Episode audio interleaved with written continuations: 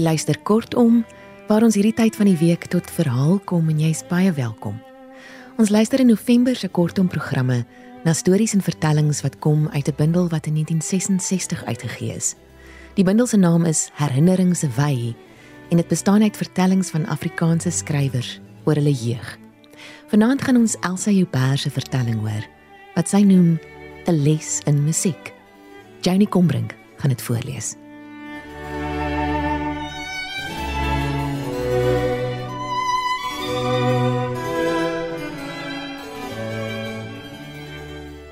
Dit was in die laat somermaande van my laaste skooljaar.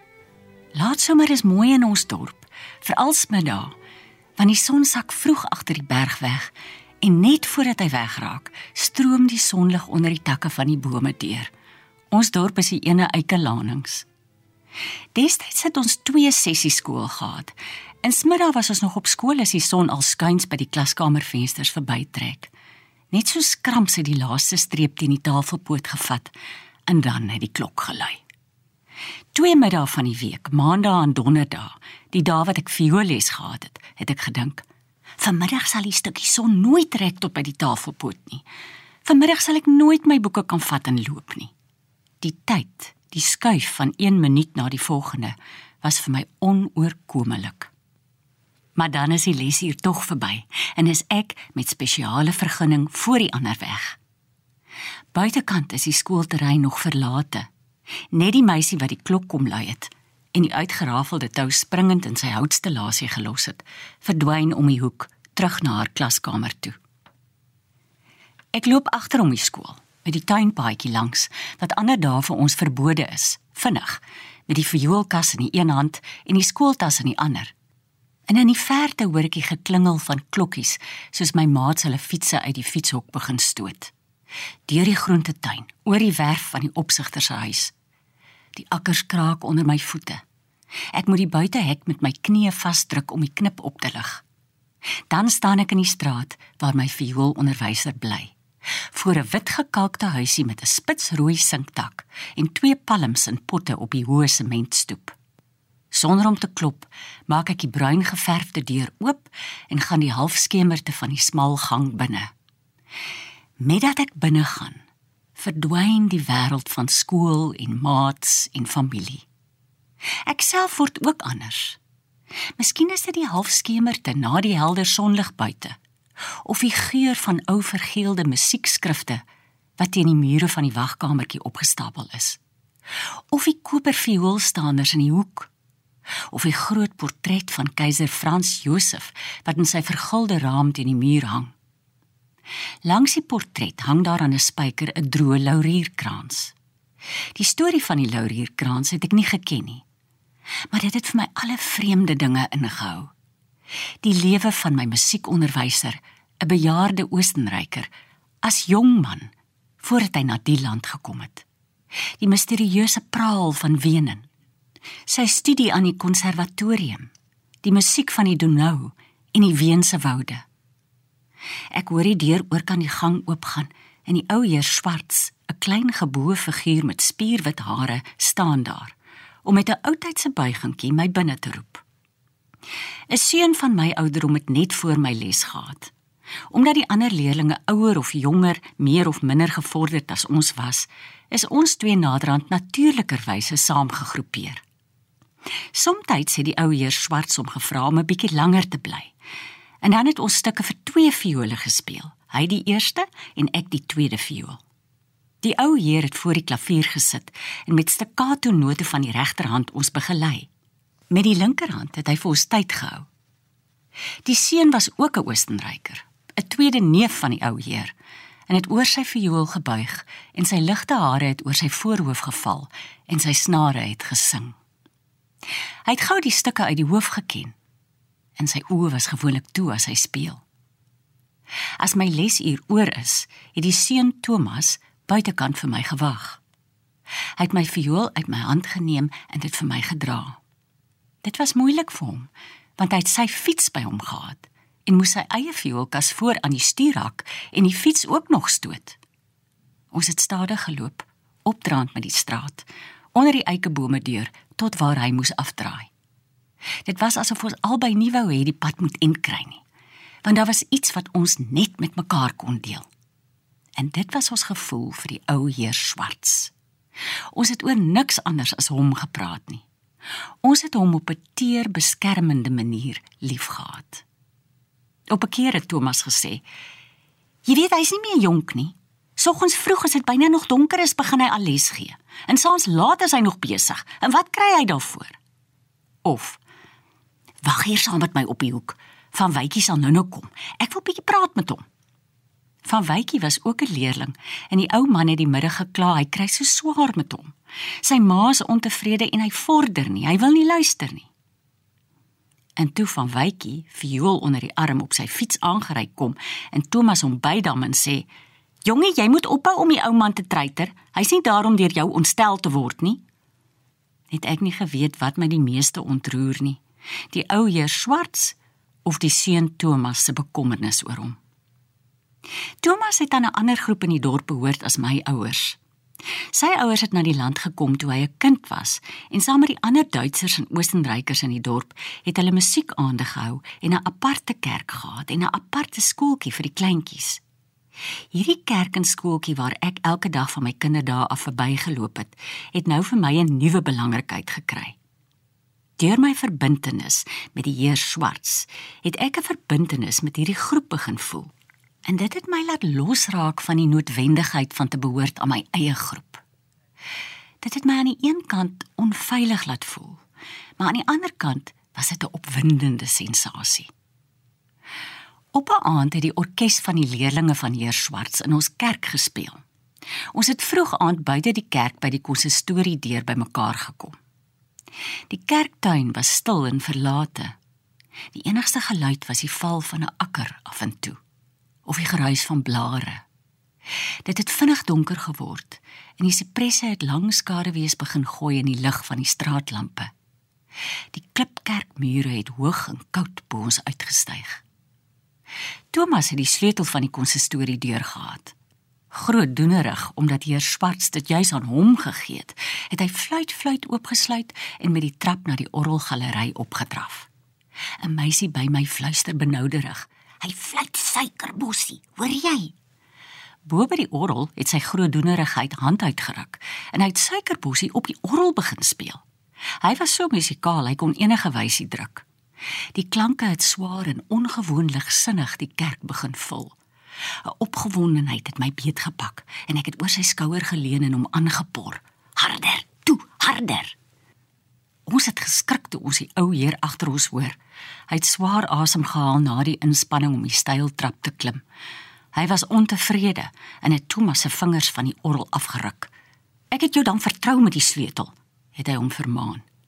Thomas het bloedrooi geword en my verwytend aangekyk voor hy verontskuldigend sê: "Dit was dan baie sag geweest." "Jammer, julle is onbedagsaam," het die ou heer geantwoord.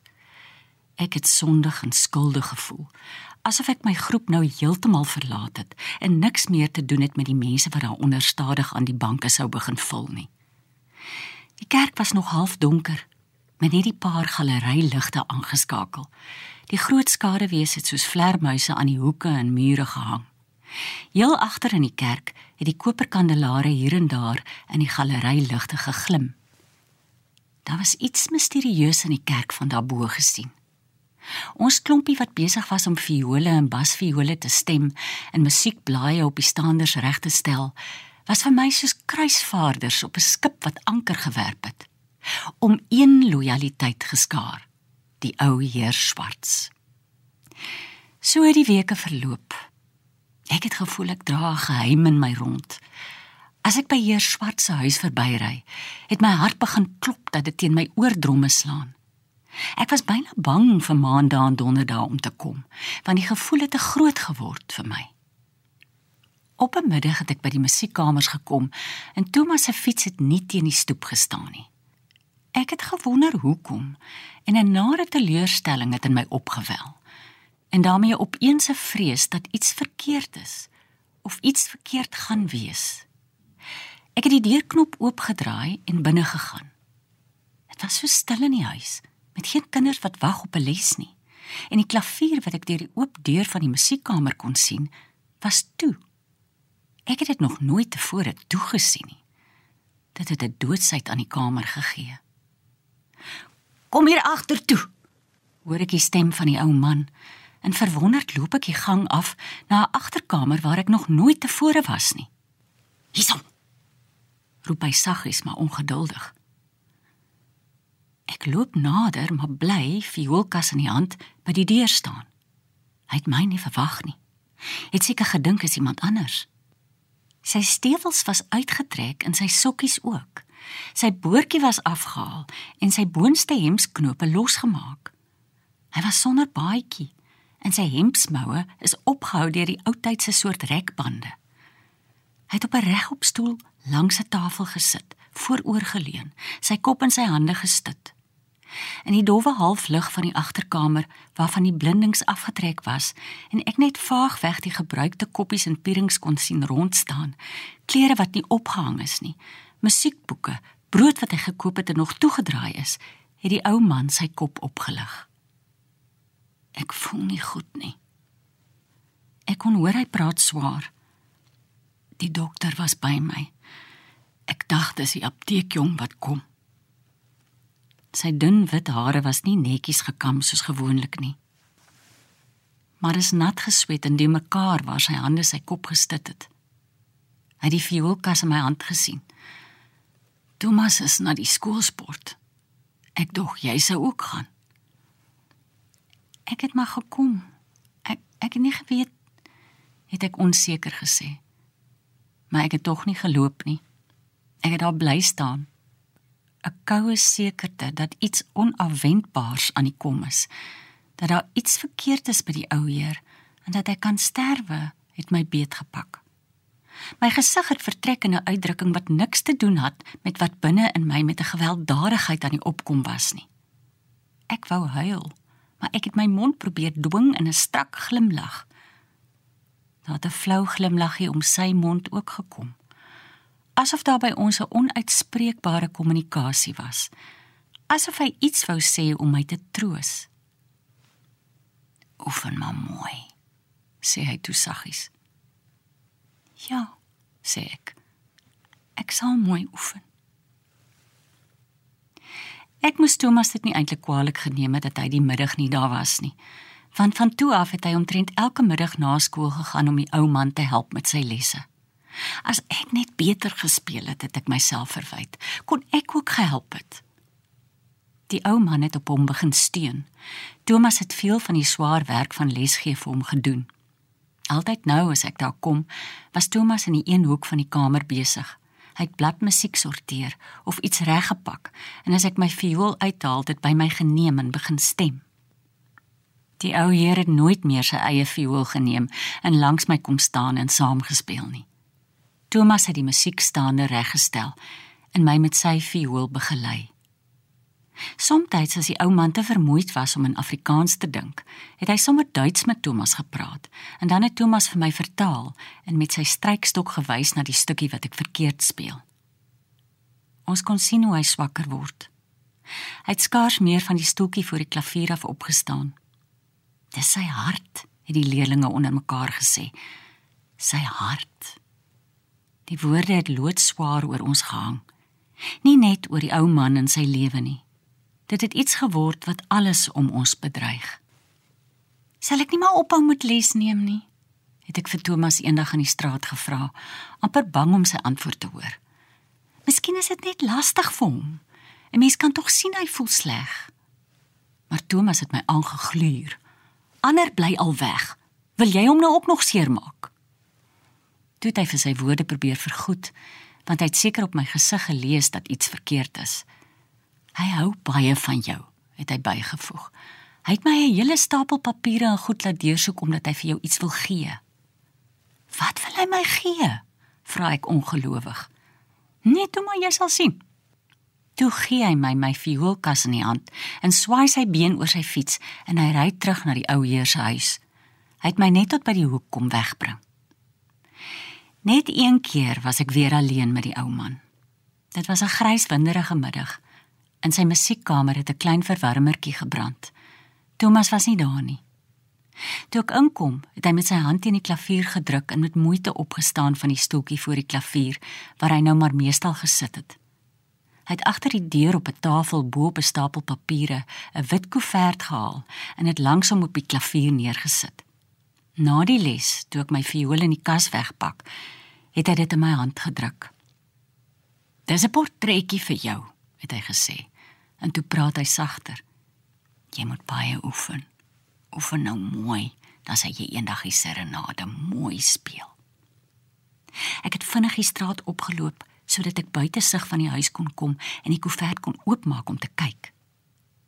Maar toe ek daarna kyk, was ek teleurgestel, want dit was 'n portretjie wat baie lank gelede geneem is. Die ou heer was nog jonk daarop. Sy hare was bruin en krullerig en sy snor dik en bruin. Selfs sy oë was anders. Daar was 'n uitdrukking in hulle wat nie meer daar was nie. Die jong man op die portret was vir my vreemd. Ek het niks aan hom gehad nie. Ek het die portretjie omgedraai en agterop in 'n bewerige handskrif wat groot en skeef oor die hele onderste deel van die kaart loop, het die ou heer Swarts my baie goeie jare toegewens en sy naam geteken. Dit was die handskrif wat my die portret in die koevert laat terugstop het. Asof die straat 'n te publieke plek was om na so iets te kyk. Dit was die handskrif wat opeens gemaak het dat die poskaartjie vir my die treurigste en die mooiste persent was wat ek nog ooit gekry het. Die ou mens handskrif agterop die portretjie van die jong vreemde man. Die jong man met die laurierkrans van Frans Josef in sy hande.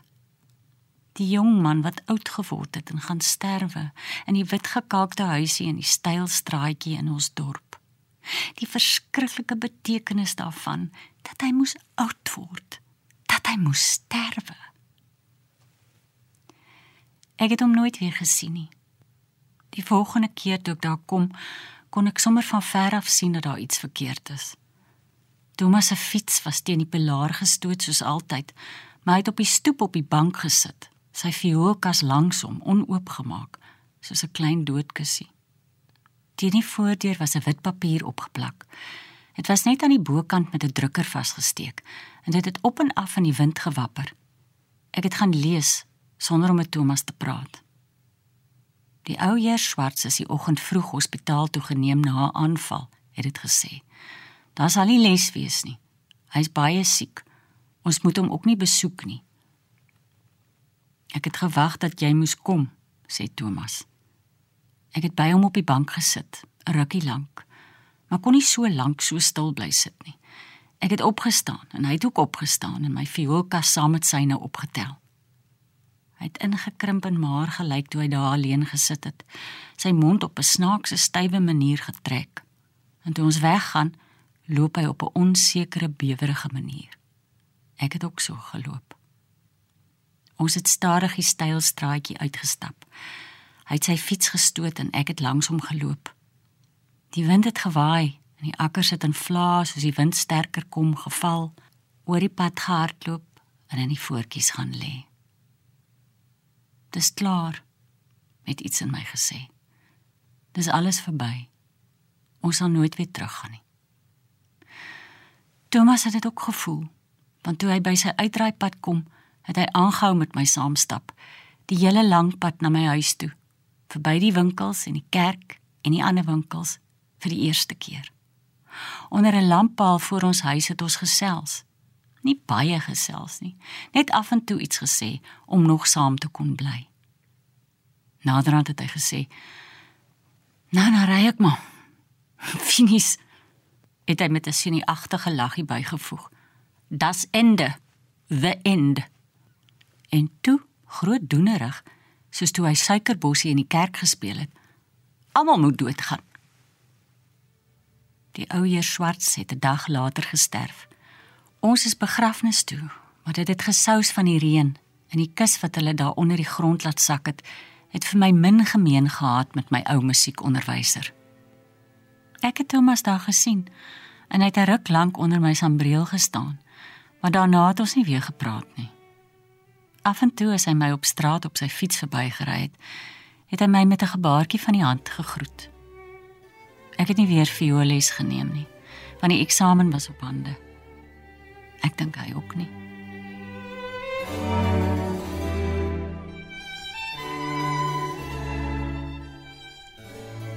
Dit was dan 'n les in musiek deur Elsa Huber en dis voorgeles deur Joni Combrink.